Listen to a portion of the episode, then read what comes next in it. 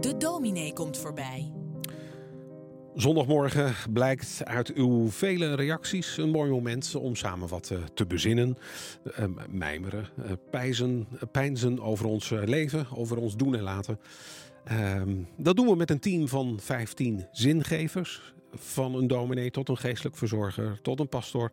Vanmorgen met een nieuwe zingever. En wel Wim Bos. Goedemorgen Wim. Goedemorgen. Mag ik Wim zeggen trouwens? Ja, graag. Ja, ja, ja. graag gedaan. Uh, voordat we naar uh, jouw bezinningsmomenten uh, gaan luisteren.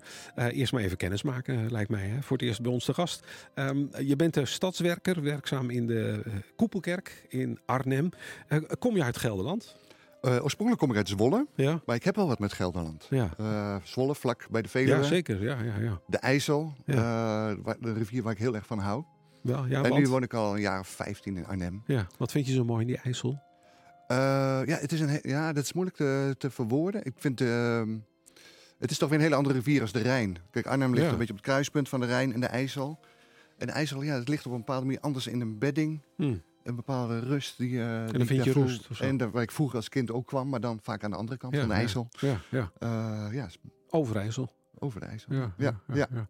Ehm, ik zei het al, je bent eh, werkzaam bij de, de Koepelkerk in, hier in, in Arnhem als eh, stadswerker. Wat doe je?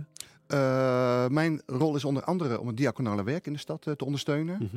Uh, dus we richten ons vanuit de kerkelijke gemeenschap op stadsproblematiek, zoals armoede, mensen met zingevingsvragen, eenzaamheid.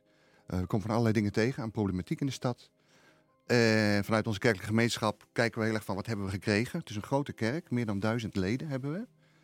Uh, dat is voor stadsbegrip tegenwoordig best groot.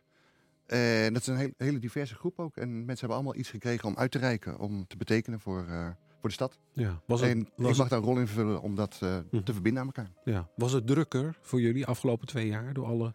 Uh, het was anders druk. Oh. We kwamen minder samen, konden minder samen eten met elkaar. Kerkdiensten werden anders, uh, heel vaak online. Dus we ontmoeten elkaar minder. Tegelijkertijd was het ook wel een, uh, een periode van verbinden. Van gewoon, ja, je ontdekt gewoon wat er echt leeft in mensen. Op het moment dat het slecht gaat of dat Mhm. het tegen zit. Je kwam meer tot de kern of zo? Of? Ja, dan kom je meer tot waar een mens echt zit. En Mhm. wat echt belangrijk is voor, voor een mens. Dus aan de ene kant is het heel vervelend, zo'n situatie. Aan de andere kant geeft het ook heel veel ja, nieuwe manieren van contact. Zowel binnen de kerk als, uh, als ook in de stad. Ja. Uh, ja, je maakt het liever niet mee. Maar we maken er wat van. Ja. Dus, ja. Ja. Het is inmiddels nu kwart voor negen. De zon begint 's ochtends wat vroeger te schijnen. Uh, hopelijk ook in jullie kerkelijk leven de komende tijd. Uh, Dat hoop ik we ook, gaan hopelijk de goede kant op. Hè? Ja. Ja, Uh, je hebt voor uh, vanmorgen het een en ander voorbereid. Daar gaan we nu graag uh, naar luisteren. Nieuwe dingen. Ik vind het bijzonder dat ik hier iets mag zeggen als uh, zingever van de week. Met de nodige bescheidenheid en nederigheid hoop ik dit te doen. Iets te delen van wat ik ontdekt heb. Wat belangrijk is voor mij en waar u misschien thuis ook iets aan kunt hebben. Zingeving haal ik uit het christelijk geloof. Daarin zit veel voor een mens en ik ontdek vaak weer nieuwe dingen die dan belangrijk worden voor mij.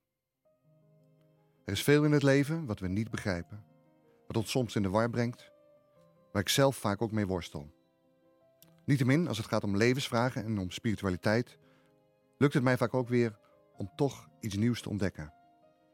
Nieuwe dingen waar ik dan weer verder mee kan. In de afgelopen week las ik Psalm 103. Dat is een lied uit de Bijbel, ooit geschreven door de Joodse koning David. Wat me trof in de psalm was een bijzondere tegenstelling.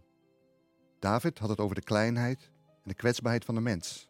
En daarbij poogt hij in hele bloemrijke woorden iets van de grootheid van het goddelijke te pakken. De grootheid van de God van de Bijbel wordt hier bezongen in een uitbundig lied. De mens is als stof, staat er. En vanwege de vergankelijkheid van een mens wordt er een goddelijke boodschap naast gezet.